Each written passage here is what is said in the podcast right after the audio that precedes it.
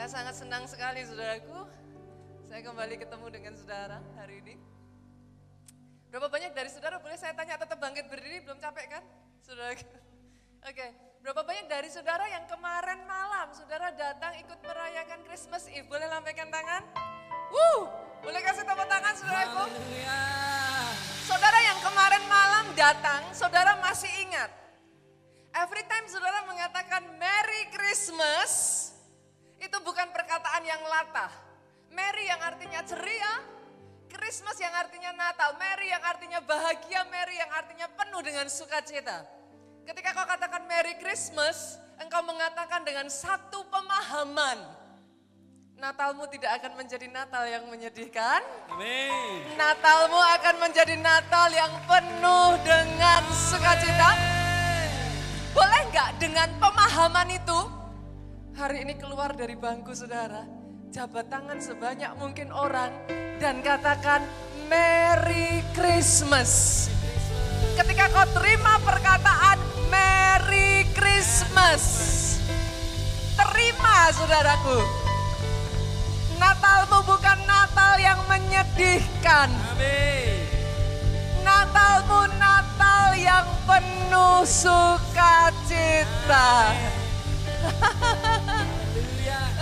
Christmas, saudara. Merry Christmas. Woo. Amazing. Silakan duduk jemaat Tuhan. Be blessed. Be blessed. Terima kasih. Halo Ginanjar. Saya ketemu dari Jakarta, saudaraku. Sekarang di Jogja. Oke, saudaraku. Wow. Such a joy buat saya. Such a joy. Kemarin kita berbicara ya saudaraku, bagaimana kita punya Tuhan yang amazing. Sejak dari Merry Christmas, Pak, Natal yang penuh dengan sukacita, tapi kita nggak mau berhenti sampai di situ. Kita berlanjut Merry Life. Jadi bukan hanya Natal saudara yang penuh dengan sukacita, tapi hidupmu sejak dari hari ini masuk di 2023, Merry Life, hidup yang penuh dengan sukacita. Tapi nggak sampai di situ, kita jalan lagi, carefree life. Maksudnya gimana Pastor? Masa saya jadi manusia nggak bisa khawatir? Siapa bilang? Manusia tetap manusia, yes. Ada khawatirnya, yes. Ada takutnya, and it's normal, wajar saudaraku. Jadi orang Kristen bukan berarti saudara nggak ada takut-takutnya, enggak saudara, nggak ada khawatirnya, enggak. Tapi dengar ini, engkau memutuskan 1 Petrus 5 ayat 7, cast your cares upon him. Buang semua kekhawatiran. Kalau Alkitab bahasa Indonesia mengatakan serahkan, terlalu halus Pak. Yesus mengatakan buang, Buang semua kekhawatiran, buang semua ketakutanmu. Kalau orang di kiri kananmu nggak mau terima sampah yang dari engkau, dengar. Dia katakan, cast your cares upon me, kata Yesus. Buang itu ke aku. Yes, aku mau terima sampahmu. Buang itu semua. Sampah masa lalumu. Sampah ketakutanmu. Sampah kekecewaanmu. Yes, cast it all. Buang semua itu. For he cares for you. Itu pesan Natal yang kita terima di malam Natal kemarin, saudaraku. Dan hari ini, saudara, saya akan melanjutkan firman berdasarkan dari pesan yang kemarin. Kemarin kita tahu, yes, kita itu punya Tuhan yang so care. Tuhan kita tuh sangat care, Pak. Segitunya dia itu care. Tapi hari ini izinkan saya lanjutkan, Bu. Ketika Tuhanmu care about you, dia care-nya itu menyeluruh. Amazing ya. Ketika Tuhanmu care dalam kehidupan saudara, pahami hal ini. Kalau dia care, dia care-nya itu menyeluruh Pak. Kita manusia, kita bisa care, tapi care-nya kita terbatas. Berapa banyak di sini adalah seorang guru, boleh saya lihat tangan terangkat? Enggak ada, serius? Ada dong. Ada di sini yang seorang guru, pengajar, ada yang mungkin dosen, saudaraku, bergerak di bidang pendidikan, boleh lambaikan tangan saudara. Enggak usah malu-malu, ah ada satu, ada dua, Ada lagi kah? Sebagai seorang pengajar yang baik, guru yang baik, dosen yang baik, pasti saudara akan peduli pada murid saudara. Tapi ya sejauh mungkin nilainya, sejauh prestasinya Pak, ada lingkupnya. Berapa banyak di sini yang adalah seorang dokter? Boleh saya lihat tangan terangkat? Ada dokter-dokter di sini atau perawat? Ah, saya lihat tangan-tangan terangkat. Ada lagi, oh, wow, ada lagi kah? Ada? Ada lagi, saya lihat tangan terangkat lagi. Saudaraku sebagai seorang dokter yang baik, yes. Bu, pasti. Kita harus care dengan pasien. Tapi sejauh itulah saudaraku, sejauh kesehatan fisik dari pasien mungkin. Tapi tahukah saudara ketika Tuhanmu care, dia bukan hanya care pada satu bidang dan satu bagian. Dia care terhadap setiap bagian di dalam hidupmu satu persatu menyeluruh. Bukan hanya Tuhan care dengan keselamatanmu. Pasti itu yang paling penting saudara. Life after death, kehidupan setelah kematian, itulah yang forever. Saudara di bumi ini paling berapa sih saudaraku? Zaman sekarang usia di atas 100 tahun itu sudah blessing saudaraku.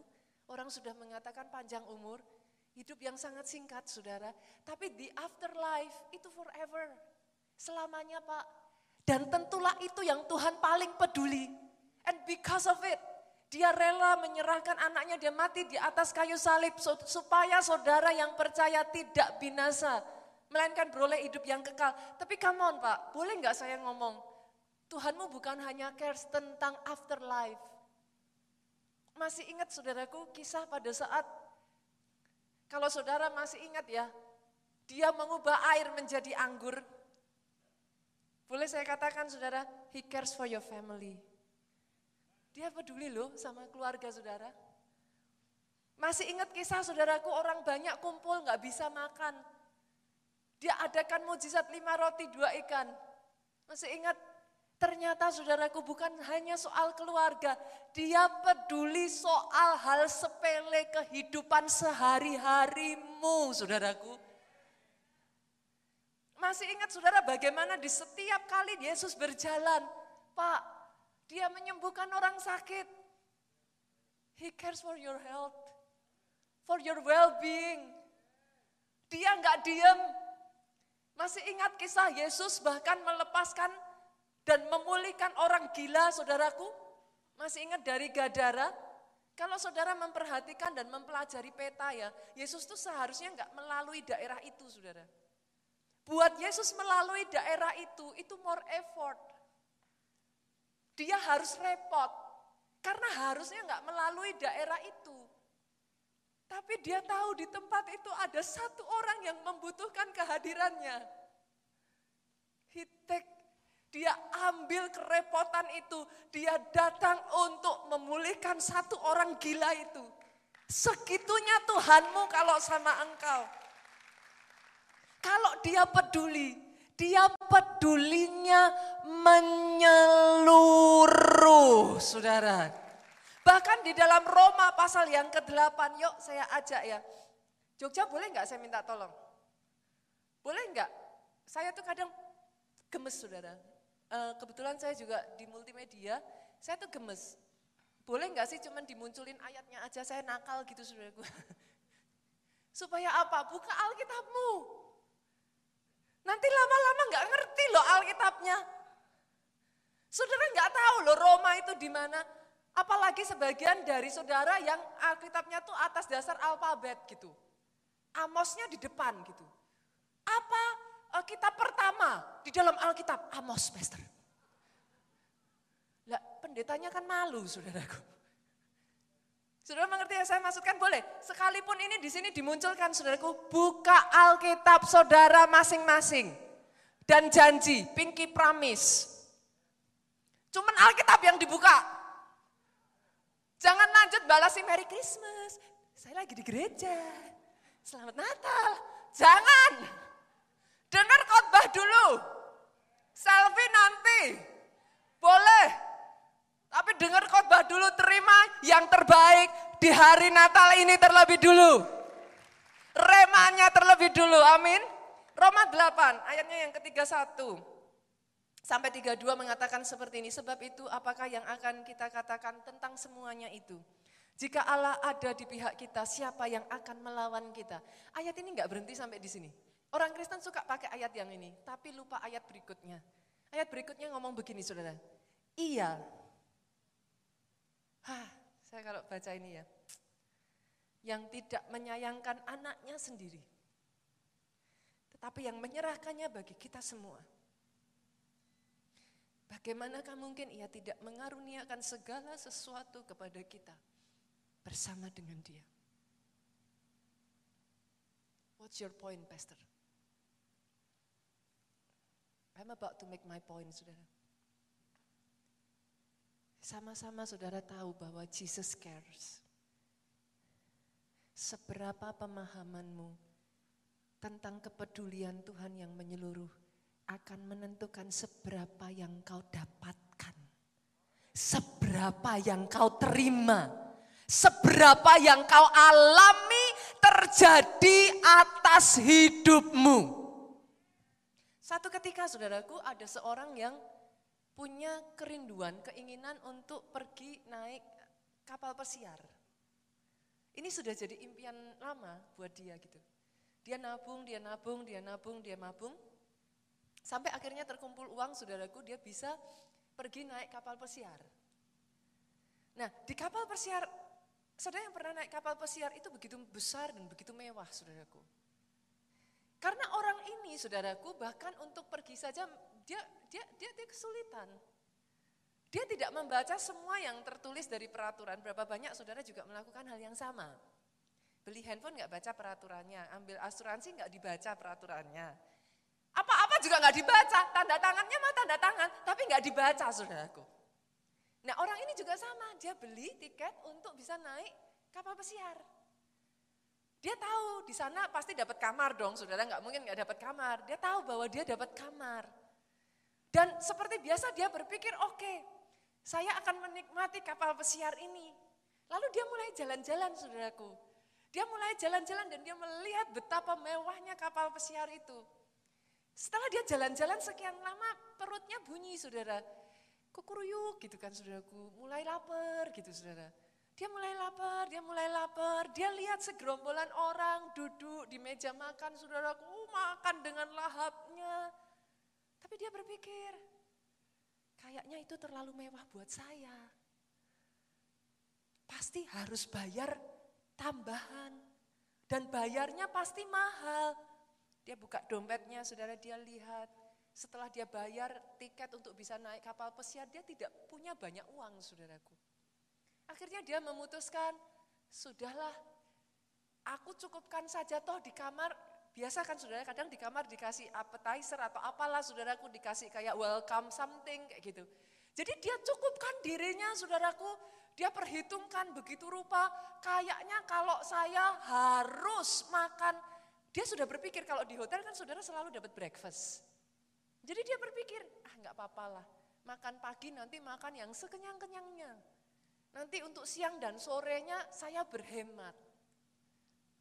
Saudara mungkin dengar cerita ini, saudara tertawa. Saudara mungkin berpikir, kok sebodoh itu gitu saudara. Tapi itulah yang orang ini lakukan dengan satu pengertian bahwa breakfast itu diberikan free. Tapi nanti makan siang dan makan sore dia harus bayar. Jadi setiap kali breakfast saudaraku, wah dia ambil sebanyak mungkin. Breakfast dia berusaha makan, dia uh, pokoknya seharian itu jangan sampai. Karena di dalam kapal kan nggak bisa jajan keluar. Dan semuanya makanan-makanan mewah dia berpikir, ya kayaknya dengan budget terbatas di dompet saya nggak akan bisa beli makanan-makanan itu. Jadi dia atur sedemikian rupa saudaraku. Bahkan setiap kali dia berjalan-jalan di semua bagian dari kapal yang mewah itu, dia mau masuk ke atraksi apa takut. Nanti bayar. Dia naik lagi, dia kepengen orang-orang masuk begitu rupa. Dia mau ikut, dia lihat lagi di dompetnya, nanti bayar. He miss a lot of things. Apa nilai dari cerita ini? if you know the truth, the truth shall set you free. Banyak orang Kristen berpikir, yes pastor, saya terima Yesus, saya dapat keselamatan. Dan karena itu engkau reach out. Nyampe. Asal aku percaya, aku tidak akan binasa. Melainkan beroleh hidup yang kekal. Yes, itu jadi atas hidupmu. Tapi can you imagine kalau saudara juga tahu, he cares about your family. Itu sebabnya satu jiwa diselamatkan. Ada janjinya yang berkata, seisi rumahnya juga diselamatkan. If, just if. Saudara tahu hal itu. Maka saudara tidak akan berkata nggak mungkin kayaknya Suamiku terlalu sukar, nggak mungkin kayaknya istriku terlalu keras, nggak mungkin kayaknya anakku sudah terlalu jauh. Kalau saudara terima itu, saudara akan fight. Kau akan perjuangkan keluargamu. Dan yes, itu jadi atas keluargamu. Hari ini kalau saudara datang di tempat ini, kemarin saya jumpa satu orang saudaraku. Dia datang kepada saya, dia minta saya doakan. Dia enggak minta yang lain. Dia hanya katakan kepada saya, Pastor, doakan. Saya masih sendiri di keluarga saya yang merayakan Natal. Doakan tahun depan saya bisa mengajak suami dan anak-anak saya ikut merayakan Natal. Oh, saya tuh kalau dengar doa yang seperti itu hati saya kena, saudaraku. Tapi bagaimana kalau saudara tidak mengerti hal itu? Sehingga sama seperti orang tadi. Dia harus mencukup-cukupkan. Dia harus harus puas dengan hanya breakfast. Dia nggak dapatkan lunch, dia nggak dapatkan dinner. Padahal semua itu diberikan Tuhan untuk saudara. Ketika dia peduli kepada saudara, dia peduli ke semua menyeluruh bagian area hidupmu. Hari ini saya berdoa saudaraku, kalau anaknya saja dia tidak sayangkan. Masakah yang lain dia tidak berikan dalam hidupmu? Dengan satu understanding ini saudara, reach out to him. Ambil satu demi satu, satu demi satu, satu demi satu. Semua kepedulian Tuhan atas hidupmu, terima itu. Sehingga itu jadi atas hidupmu. Boleh aminnya yang paling keras dari tempat ini. Oh kalau mau tepuk tangan Jogja. Tepuk tangannya Star bisa lebih keras lagi daripada ini. Sorakan haleluya. Dan berapa banyak dari saudara yang kita aja ya saudara manusia ya, kalau kita peduli. Pak, dimunculkan dalam tindakan nggak, action nggak? Yes. Tuhan ya sama saudara. Ketika dia peduli, dia manifestasikan itu. Saya tuh berdoa ya benar-benar ya saudara. Berapa banyak di sini yang suka makan all you can eat? Langsung tinggi-tinggi ya Pak ya. Nanti setelah ini ditraktir saya. All you can eat. Saudara sama-sama pergi ke restoran, kan ada ya restoran itu yang ya seberapa yang saudara makan saudara bayar. Tapi ada yang namanya restoran all you can eat Pak. Dan please ketika saudara masuk ke restoran all you can eat, kalau saudara tidak tahu itu restoran all you can eat, maka saudara hanya akan icip, icip, icip, icip. Saudara takut-takut, saudara ambil hanya sebagian. Tapi come on, it's all you can eat. Boleh nggak saya saya berdoa ya, kepemahaman akan hal ini ya, itu membukakan hidup saudara. Kalau anaknya saja dia tidak sayangkan. Apakah yang lain dia sayang sudah? Saya berdoa sejak dari hari ini ya, jangan batasi Tuhanmu yang tidak mengenal batas dengan batasan manusiamu. Kita tuh sukanya jadi orang Kristen tuh di kotak-kotakin dulu sudah. Yang ini Tuhan bisa, tapi yang ini nggak bisa. Siapa bilang? Ayatnya mana? Yang saya tahu, Alkitab saya berkata, bagi Tuhan tidak ada yang mustahil dan plus saya tambahin, bagi orang percaya tidak ada yang mustahil.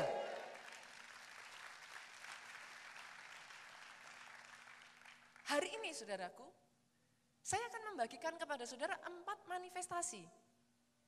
Nanti jangan disalah mengerti ya, Nanti saudara bagi uh, saudara batasi lagi, oh berarti Tuhan manifestasikan kepedulian hanya sejauh itu enggak. Nanti kalau saya bacakan semua, kita enggak pulang hari ini saudaraku. Jadi bersyukurlah saya hanya kasih saudara empat poin. Bukan karena apa-apa, waktunya saudara enggak cukup. Tapi empat manifestasi dari kepedulian Tuhan saudara. Yang pertama, saya bagikan ketika because he cares, Ketika Tuhan peduli kepada saudara, dia itu memeliharakan saudara. Dia memelihara kita. Yes, dia memelihara kita. Dan ada dua macam pemeliharaan Tuhan. Dia memelihara kita secara sempurna. Tetapi yang kedua, pemeliharaannya ajaib.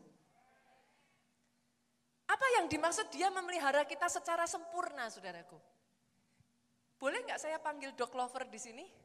Ada di sini yang pecinta anjing boleh lambaikan tangan. saya juga kebetulan pecinta anjing, saudaraku. I love dogs. Uh, misi saya, saudaraku, meracuni Pak Jo supaya mencintai anjing, gitu saudaraku. Setidaknya saya berhasil meracuni anak-anak saya, jadi satu keluarga sudah mengeroyok suami saya, saudaraku. Kami, saya, saya cinta anjing, saya cinta anjing. Saya dibesarkan dari keluarga yang uh, mak, saya, saudara, nenek saya itu dog breeder. Jadi sejak saya kecil itu di rumah tuh anjing bisa 50 kayak gitu sudah. I love dog so much gitu. Nah, my husband, suami saya kebalikannya, dia love gadget so much. Dia suka anjing yang di dalam gadget. Dia katakan, saudara katanya, eh bedanya apa? Yang ini tidak pup sembarangan. Yang ini bisa dikecilkan, dibesarkan suaranya kalau menggonggong. Ya itulah perbedaannya saudara. I love dog so much.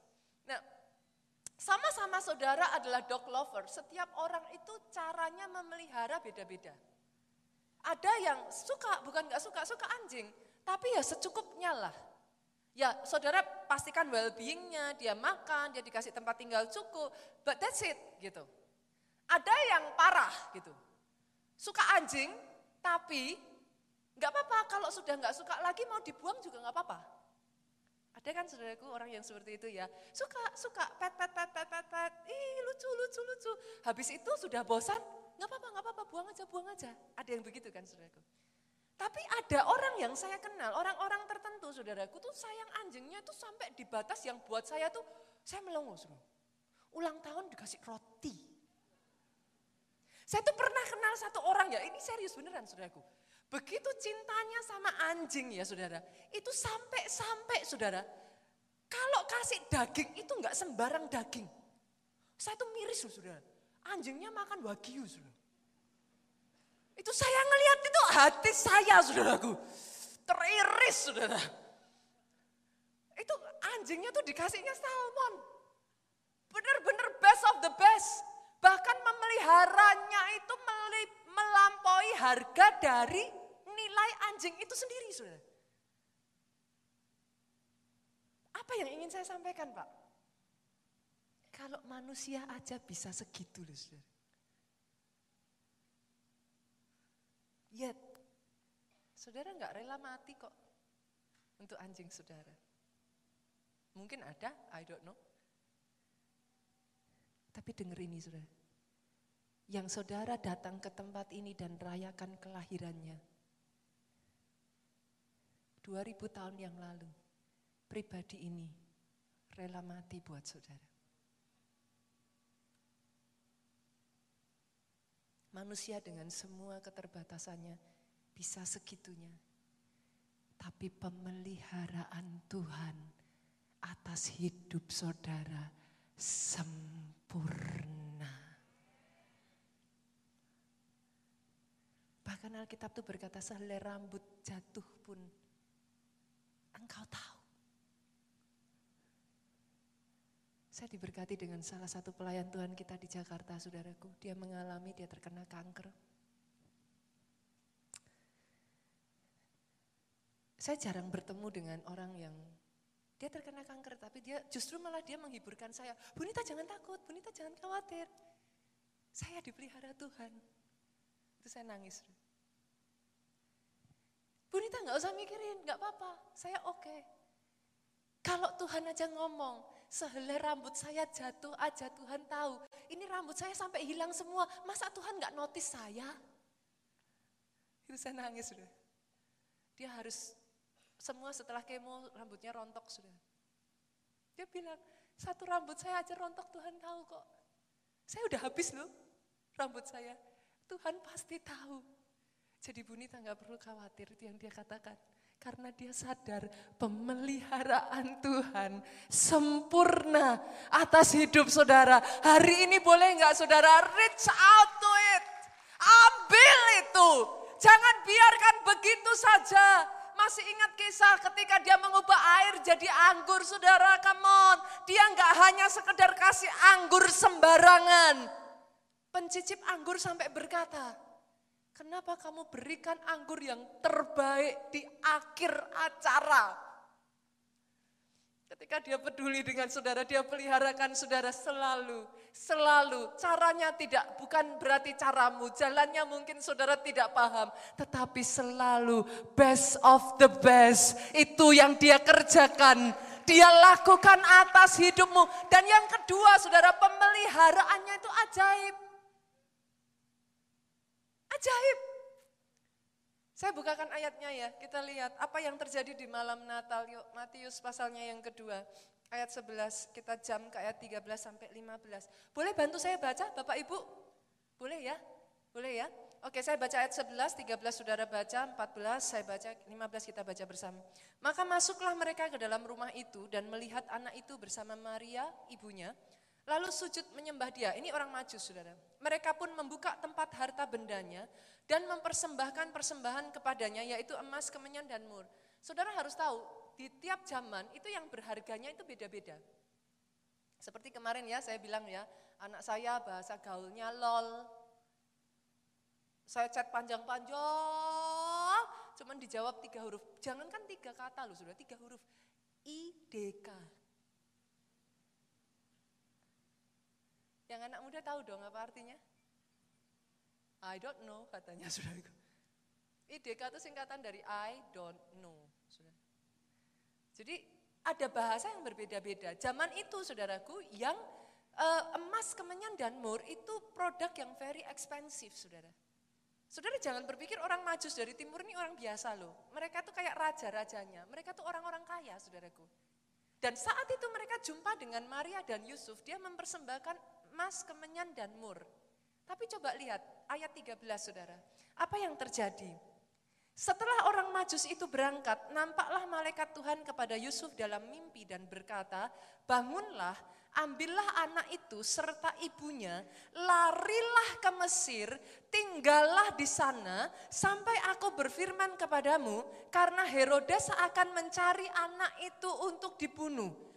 Maka Yusuf bangun mengambil anak itu, ia serta ibunya malam itu juga menyingkir ke Mesir dan tinggal di sana hingga Herodes mati. Hal itu terjadi supaya genaplah firman yang difirmankan Tuhan oleh Nabi, dari Mesir ku panggil anakku.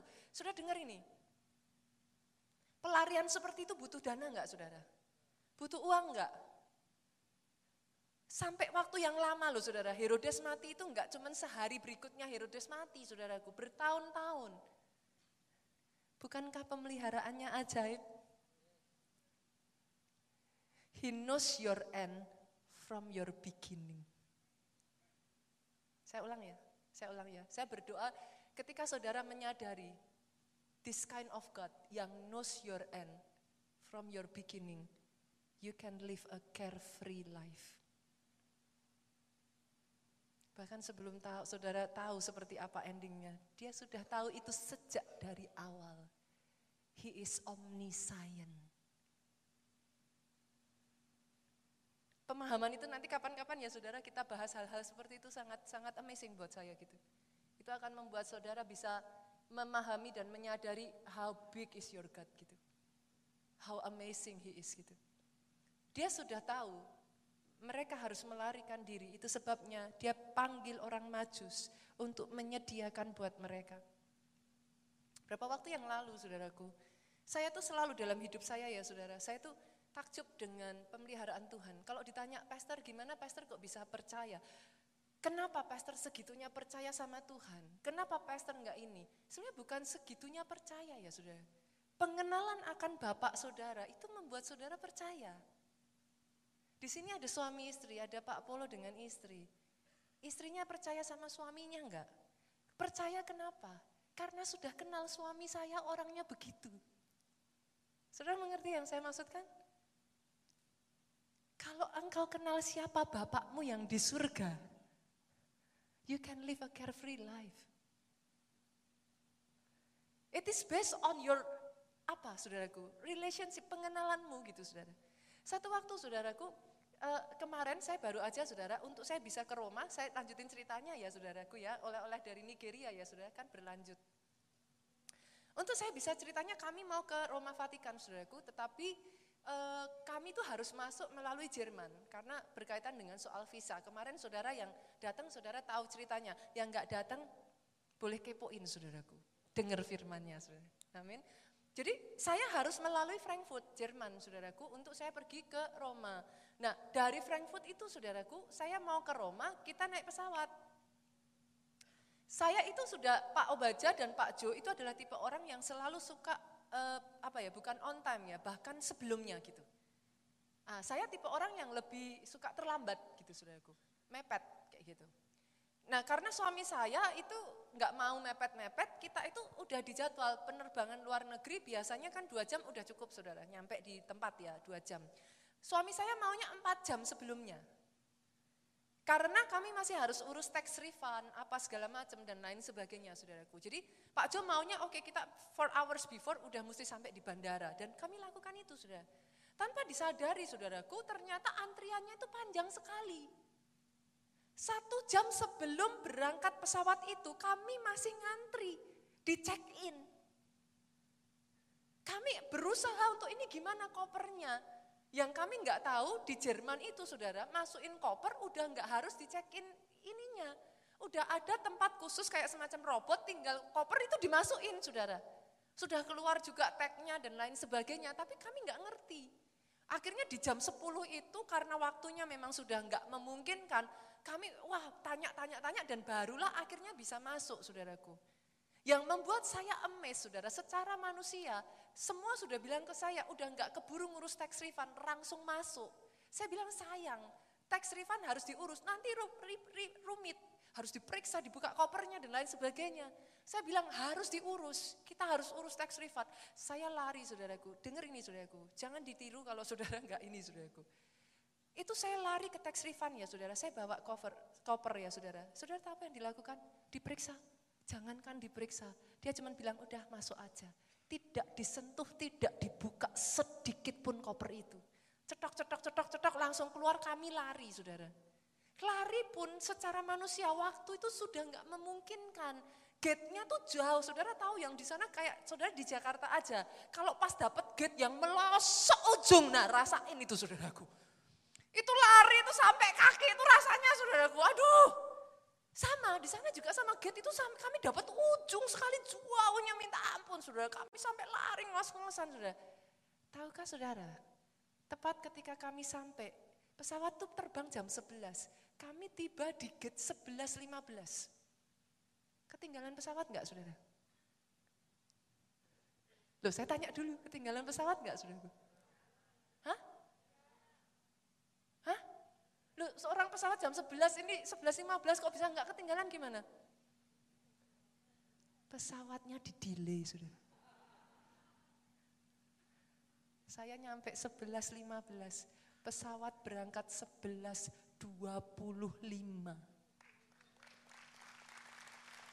I don't even know about it.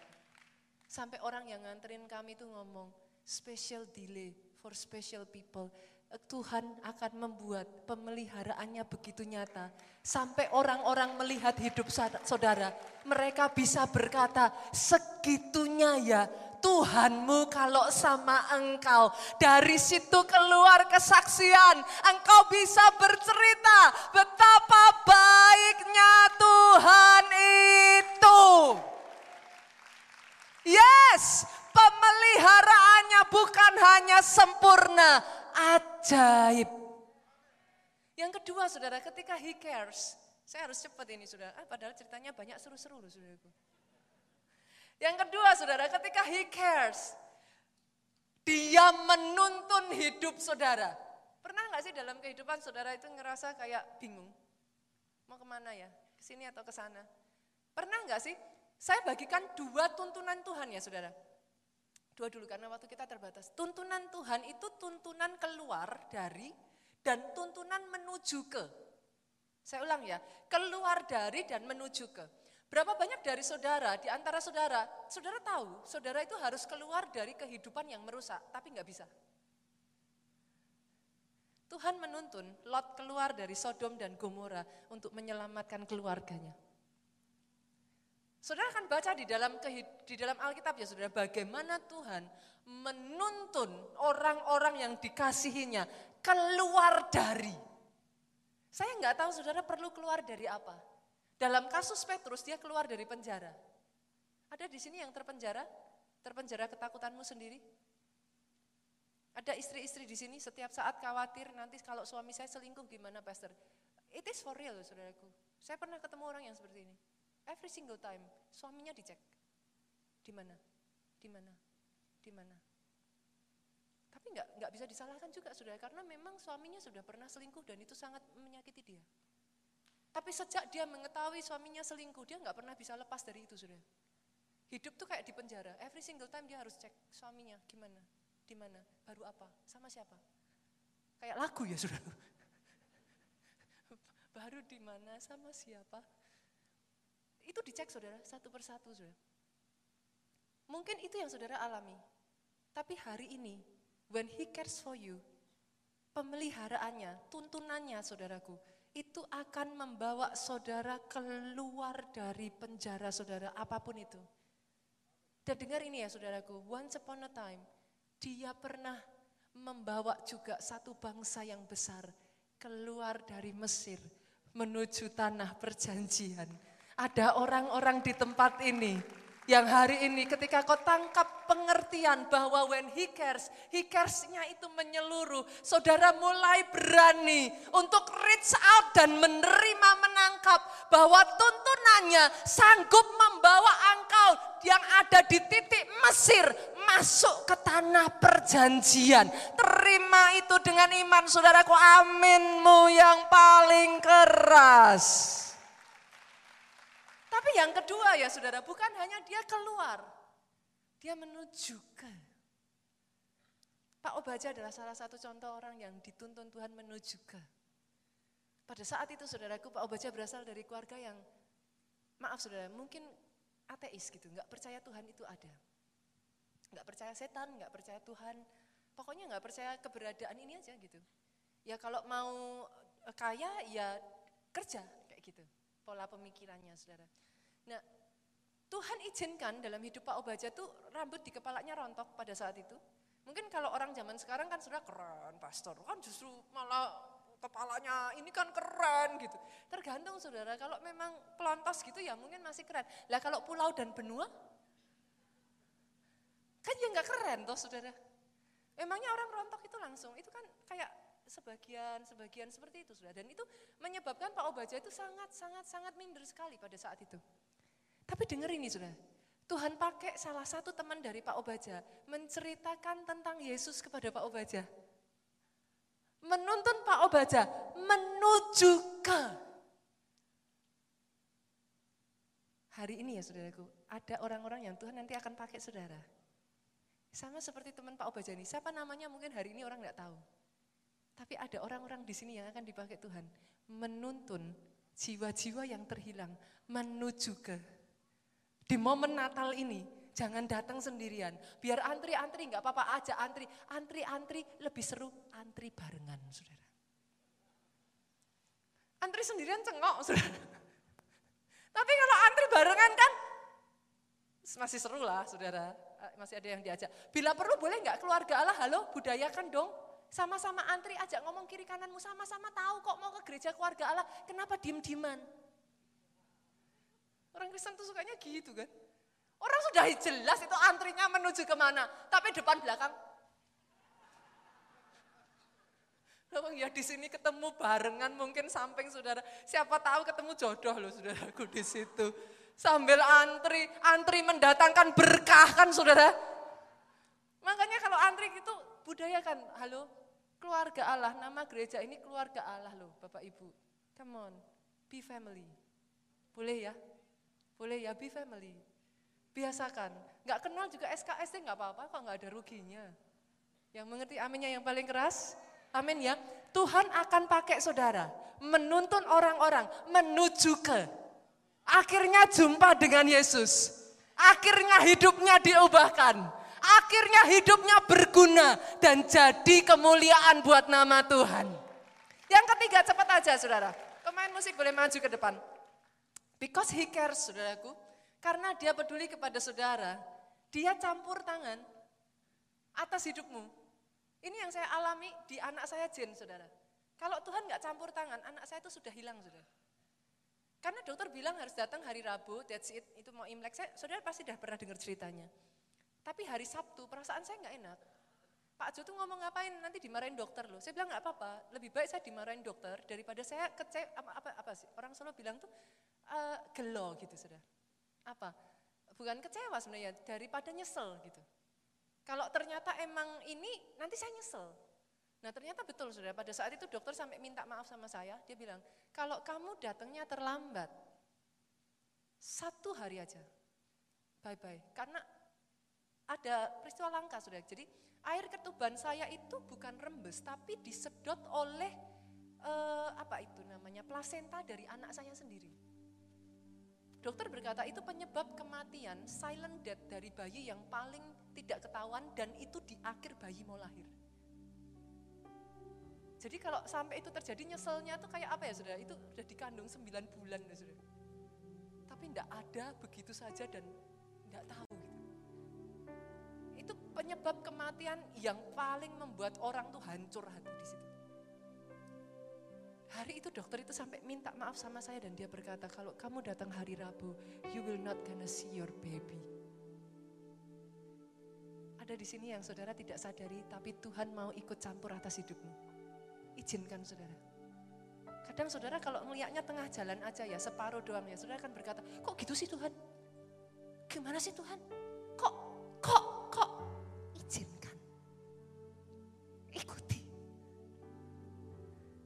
saudara akan melihat pada akhirnya dia selalu mengerjakan untuk kebaikan saudara. Because he cares. Yang terakhir, yang keempat yuk. Ini saya nggak tahu nih, yang berikutnya saya dengar udah antri di depan ya. Saya udah janji hari ini akan doa pengurapan minyak, tapi waktu saya nggak akan cukup saudaraku. Saya akan lanjutkan yang keempat dulu saudara, yang terakhir. Because he cares, dia menyediakan perlindungan yang ajaib. Sampai di situ saudaraku. Boleh nggak saya minta kerja sama saudara? I'm not gonna be able to, saya nggak akan bisa untuk oleskan minyak kepada saudara semua di tempat ini. Semau saya pun ya saudaraku, saya kasihan dengan teman-teman yang ada di luar. Tapi dengan cepat aja, boleh nggak pelayan Tuhan maju ke depan?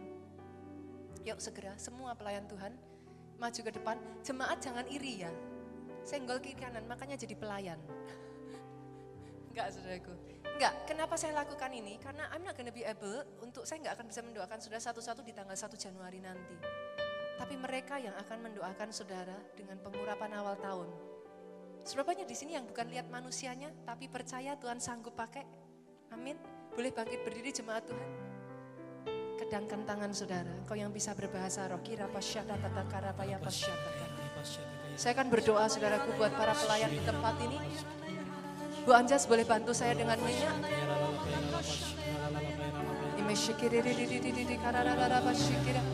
Saya boleh minta gelas semacam gelas dituangkan saja lebih mudah buat saya. Saudara ingat ini ya saudara. Jemaat dengar ini baik-baik dan pelayan Tuhan. Jadilah orang Kristen yang dewasa. Jangan terbiasa manja, lihat pembicaranya, nanti diuplek uplek uplek uplek harus di, oh ini itu apa baru saudara percaya. Tapi mulai sekarang belajar dewasa saudara. Ketika minyak itu dioleskan ya saudara, percaya dan tangkap dengan iman. Engkau sudah tangkap, sudah terima. Masih ingat peristiwa wanita pendarahan? Yesus tuh gak bahkan tupang tangan tuh enggak loh saudara. Wanita ini yang reach out dan dia berkata di dalam hatinya, asalku jamah saja jubahnya, aku sembuh. And that's it. Dia sembuh. The same thing happened with the other woman maybe. Dia jamah juga mungkin jubahnya Yesus, nothing happen. Kenapa? Di sininya. Sepakat? Bapak Ibu, boleh ya? Nanti ketika saudara tanggal 1 Januari saudara terima pengurapan minyak, terima itu dengan iman. Adakah irapa shikina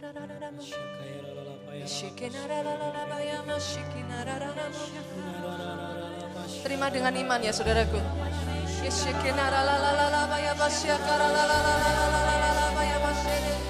Oh, in Jesus Di dalam nama Yesus, pengurapanmu. In Jesus name, pengurapanmu. Di dalam nama Yesus, Di dalam nama Yesus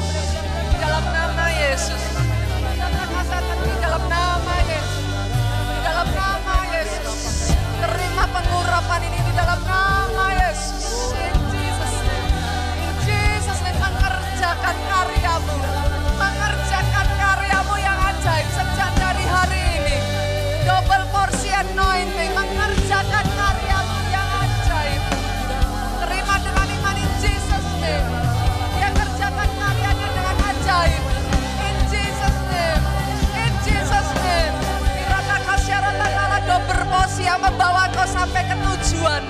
In Jesus name. In Jesus name. Kaya. In Jesus name. Terjadi Tuhan. In Jesus name. Terima. In Jesus name. In Jesus name. La ya In Jesus name. In Jesus name. In Jesus name dengan iman in Jesus name. In Jesus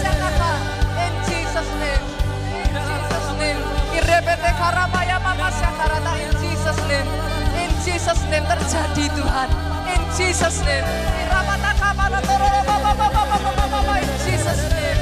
Irabata kaya masih in Jesus name terima dengan iman. In Jesus name. In Jesus name. In Jesus name. Rabasyata karabala in Jesus name.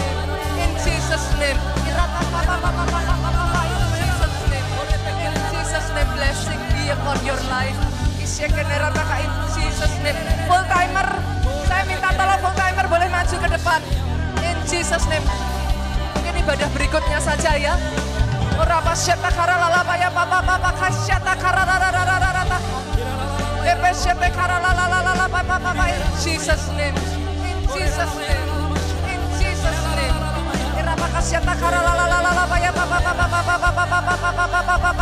Shikina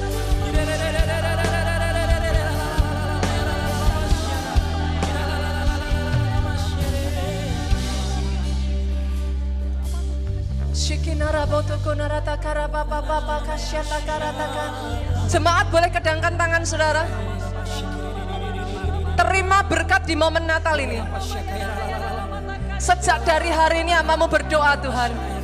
Bukakan mata kami untuk melihat. Sejak dari hari ini pertumbuhan imanmu tidak akan pernah sama lagi. Di dalam hal-hal rohani, bertumbuh dengan begitu rupa. Pemahaman demi pemahaman. Untuk mengerti pemeliharaannya sempurna, pemeliharaannya ajaib. Ketika dia peduli kepada engkau, menyeluruh. Yes. Ambil sebanyak yang kau bisa ambil, saudara. Terima sebanyak yang bisa kau terima, saudara. Takes you untuk reach out. Jangan jadi orang Kristen yang tangkap bola, saudara. Tapi jadi orang Kristen agresif. Yang terus mendesak. Orang Kristen yang agresif, apa yang sudah dijanjikan kalau itu bagianmu, memangnya dikasih begitu saja. Iblis gak akan suka. Saudara harus lawan, harus diambil dengan paksa. Dan saya berkatakan, jadi atas hidupmu. Pulang dengan membawa sukacita, damai sejahtera daripada Allah Bapa. Cinta kasih putranya yang tunggal Yesus Kristus.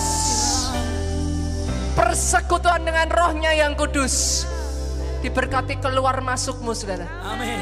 Diberkati berdirimu dan tidurmu. Amin. Diberkati usahamu. Amin. Diberkati apa yang dikerjakan tanganmu.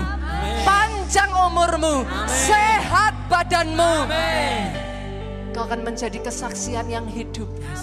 Tentang betapa dahsyatnya Tuhanmu. Di dalam satu nama Yesus, Tuhan yang kami sembah, Engkau yang sudah terima berkat di momen Natal ini, katakan dengan suaramu yang paling keras. Amin.